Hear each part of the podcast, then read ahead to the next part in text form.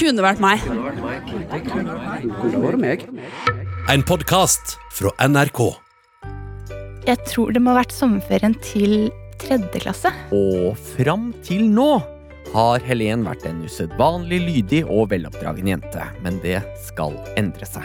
Denne ferien er hun på besøk i Bergen hos tanta med hele familien. Og naboen til tante hadde en kaninfarm, eller drev med kaninoppdrett. Så hele sommerferien der så fikk jeg lov til å leke med kaninunger. Og hun elska det. Altså, hun elska det enormt. Mye fordi foreldrene hadde sagt nei hver gang hun hadde spurt om å få kjæledyr. Egentlig hadde jeg mest lyst på eh, undulat, men det fikk jeg ikke lov til, og da var kanin det nest beste. Så da bestemte jeg meg da for å ta igjen. Jepp, du hørte riktig. Den lille jenta hadde bestemt seg for å naske med seg en kanin. Og siden de var på ferie i Bergen og egentlig bodde i Oslo, så var det ikke bare å hente de kaninene, men Helen, hun var så grisk på de søte små pelsklumpene at hun, på tross av at hun var liten, klekka ut en listig plan. Jeg så på rom med mamma, pappa og broren min, så det var litt vanskelig på en måte å få gjemt noen kaniner der, da. Og så skulle jeg fly hjem dagen etterpå med faren min og broren min. Så jeg tenkte at jeg må ut på natta, eh, for da er det ingen som merker det. Og så får jeg med meg disse kaninene hjem da dagen før eller natta før jeg tar flyet tilbake. Hæ?! Du, var det sånn, Sov du først og hadde på vekkerklokke, eller venta du bare med å sovne? Jeg er litt usikker, vi er ganske liten på tidspunktet her, så jeg må jo ha bare ligget våken. For jeg hadde jo ikke noen mulighet til å bare kunne våkne midt på natta, så jeg tror jeg bare ligger våken og sniker meg ut. Så jeg husker jeg tråkker over mamma og pappa på veien ut og ned en trapp. Og jeg husker jeg måtte hjem hos en vaskerom som var kjempeskummelt for at jeg skulle komme ut til eh, disse kaninene. da. I hodet mitt innbiller jeg meg at det var mørkt, men det er jo sommerferie, så jeg er liksom usikker på hvor mørkt det kan ha vært. men eh, jeg må i hvert fall inn i disse kaninburene. Og da Jeg vet ikke når jeg bestemte meg for å ta to, men det blei i hvert fall to. Og selvfølgelig de to minste og søteste jeg klarte å finne, da. Og da var det mange kaniner i buret, eller hvordan var det? Ja, jeg innbiller meg det at det var mange kaniner, og mange kaninunger liksom samla på én plass. Så jeg tenkte vel sikkert at det var så mange at ingen la merke til at disse to ble borte, da.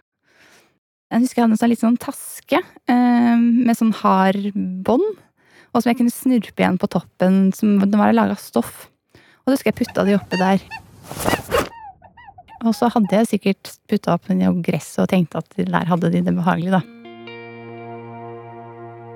Hun hadde klart det, hun hadde endelig fått kjæledyr. To supersøte kaniner.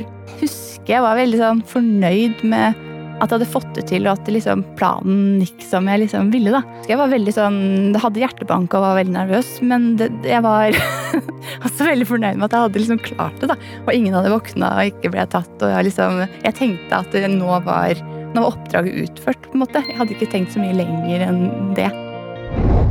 Og så kom jeg på flyplassen. Der tenkte jeg søren her, dette er glemt, dette jeg ikke tenkt på. For her må jeg gjennom en sikkerhetskontroll.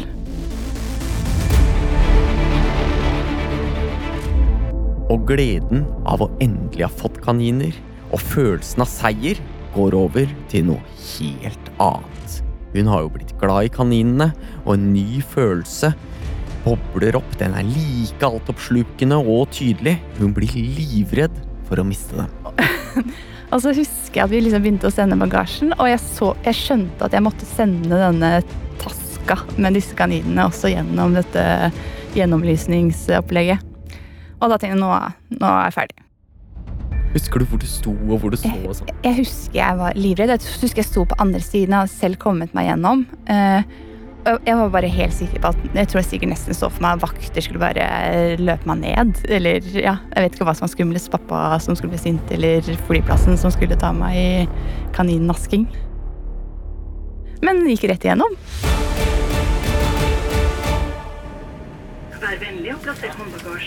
Og så inn på flyet. Og det var liksom, da var nytt hinder. For jeg hadde heller ikke tenkt, det var mye jeg ikke hadde tenkt så mye gjennom.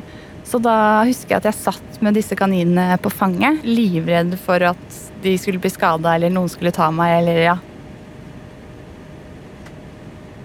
Og så sitter jeg med denne og nesten tviholder på denne taska. Eller ja, jeg husker den var sånn rødrutete.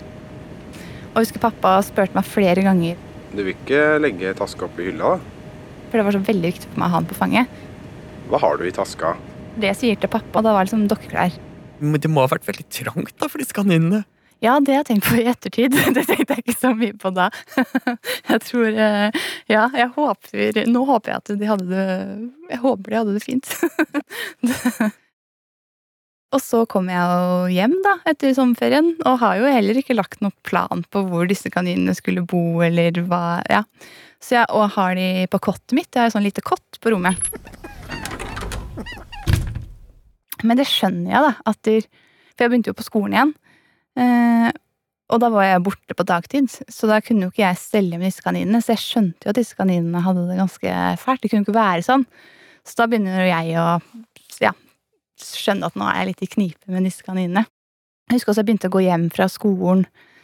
Eh, jeg skulle egentlig på SFO, det hoppa jeg over. Så, så dro jeg hjem og lufta kaniner i hagen. Sju år gamle Helen har fått kjæledyr og blir rett og slett pokka nødt til å ta fullt og helt ansvar for dem, finne ut hva de trenger, og gi dem det. Og det tar jo litt tid i seg selv, men hun lever jo også et dobbeltliv. Hun har en hemmelighet som bare vokser og vokser, og etter hvert også blir vanskelig å holde på. Jeg hadde noen sånne sparepenger og sånn, som jeg husker jeg kjøpte kaninmat på butikken og sånn. Ja, og så var det liksom også det å smugle dette her inn i huset uten å bli oppdaga, da. Og så gress og gulrøtter regner jeg med at jeg tenkte at de trengte, da. Men jeg skjønte at de trengte luft, og ikke bare kunne være inne i et mørkt kott. Men hvor lenge hadde du det i det skapet her? Jeg er litt usikker, men lenge nok til at jeg kjente skikkelig på panikken. Jeg begynte få, jeg begynte ikke å få mareritt, men det var det jeg fortalte foreldrene mine. For jeg gråt veldig mye på kvelden. Og foreldra la jo merke til det og ble naturligvis superbekymra da datteren gråt seg i søvn hver eneste kveld, og de skjønte at hun bar på en hemmelighet, og begynte å frykte at hun var utsatt for noe forferdelig. Og de begynte å grave for å finne ut av hva dette kunne være, og de begynte å se etter sammenhenger, og dessverre så fant de sammenhenger feil sted. Og da var det en nabo på den tiden også som tydeligvis også gråt veldig mye eller hadde mye mareritt. Så husker jeg hadde sånn møte med liksom pappa og den andre faren som lurte. Det var veldig sånn Hva har dere opplevd? For det var sånn krise for meg, liksom. Jeg var livredd. For å, liksom, jeg skjønte at nå etter jeg var i skikkelig knipe, og skjønte ikke hvordan jeg skulle komme ut av det. Men jeg fortalte det ikke. Ok, Men betyr det at på en måte de, her hadde de voksne snakka sammen? Altså våre barn? Ja. De gråter mye, det er noe Og jeg visste jo helt jeg visste jo akkurat hvorfor jeg gråt, så jeg bare turte ikke å si det. Så jeg skjønte at jeg måtte komme meg ut av dette på en eller annen måned, men det var sånn ikke å inkludere mamma og pappa. Nei, jeg husker at jeg også Fordi ryktene begynte sikkert å gå, for jeg hadde fortalt dette til noen venninner. Og da husker jeg at det var en mor som ringte etter pappa. Ja, hei. eh, dette er mammaen til Mari. Ehm, jeg eh, Ja, altså dette virker kanskje litt rart, men eh, jeg ringer egentlig bare for å si at uh, i går kveld så overhørte jeg Helen, som snakket om at hun hadde to kaniner innesperret i et skap. Uh, og da husker jeg pappa spurte meg om det, Har du to kaniner i skapboden? og da jeg nekta å være plent. Og jeg husker den telefonsamtalen da han snakker med denne moren. Eh, og nå har nok jeg vært et veldig sånn pliktoppfyllende barn sånn ellers, så pappa var veldig sånn Nei, du vet, eh, barn har jo så god fantasi. Så det, nei. Det, ja, så jeg ble ikke avslørt da heller. Men hva, hvilke følelser gikk gjennom deg da du hørte denne Nei, samtalen? da så fikk jeg jo helt panikk. Så da husker jeg at jeg begynte å tenke på hva kan jeg gjøre. Og da var liksom et av alternativene var å slippe dem på skogen. Men da tenkte jeg at da lever de jo ikke uansett. Og så husker jeg også at jeg vurderte å ta livet av dem. Hvilken metode vurderte du da?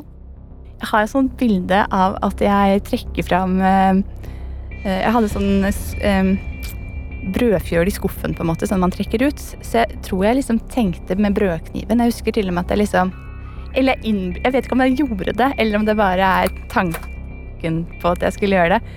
Eh, Men bruker brødkniven, da. Ok, men altså Du vet ikke om du kutta hodet av den? Nei, jeg vet ikke om, måte, om jeg faktisk plasserte kaninene der og på en måte sto der med kniven, eller om bare jeg har tenkt så mye på det at det bildet er så klart for meg at det var det jeg liksom vurderte å gjøre. da. Men uansett, om hun sto der med brødkniven, eller om hun bare tenkte så mye på det at hun har lagd seg et falskt minne av det, hun kutta aldri. Og dagen etter kom løsninga av seg selv. Jeg var veldig sånn redd for at folk skulle vite, så jeg holdt det sånn ganske hemmelig. Men fortalte det til noen. Og da gikk liksom ryktet at eh, Linda i fjerde klasse, hun ønska seg kaniner. Og da husker jeg at i et friminutt så tok jeg tak i Linda og sa at jeg hadde to kaniner som hun kunne få, men hun kunne ikke si hvor de kom fra. Så det endte med da at Linda tok, eller fikk disse kaninene, da. En slags vinn-vinn-vinn-situasjon. Helen ble kvitt løgnen, Linda i fjerde fikk seg kaniner, og kaninene fikk seg et fint lite hus i hagen rett borti veien. Kun få uker etter omplasseringa var Helens løgn blitt om til en god historie som gikk sin gang rundt omkring i nabolaget, og kom selvfølgelig til slutt til foreldrene hennes. Så da ble jeg tatt til slutt. Ja. Fikk du kjeft? Nei. jeg gjorde ikke det. Tusen takk for denne historien, Helen. Denne episoden er lagd av Bjørn Terje Kjørstad. Rikard Sveen, Grete Strøm har vært med litt. Og jeg heter Ludvig Løkholm Levin. Du har hørt en podkast fra NRK. Hør flere podkaster og din NRK-kanal i appen NRK Radio.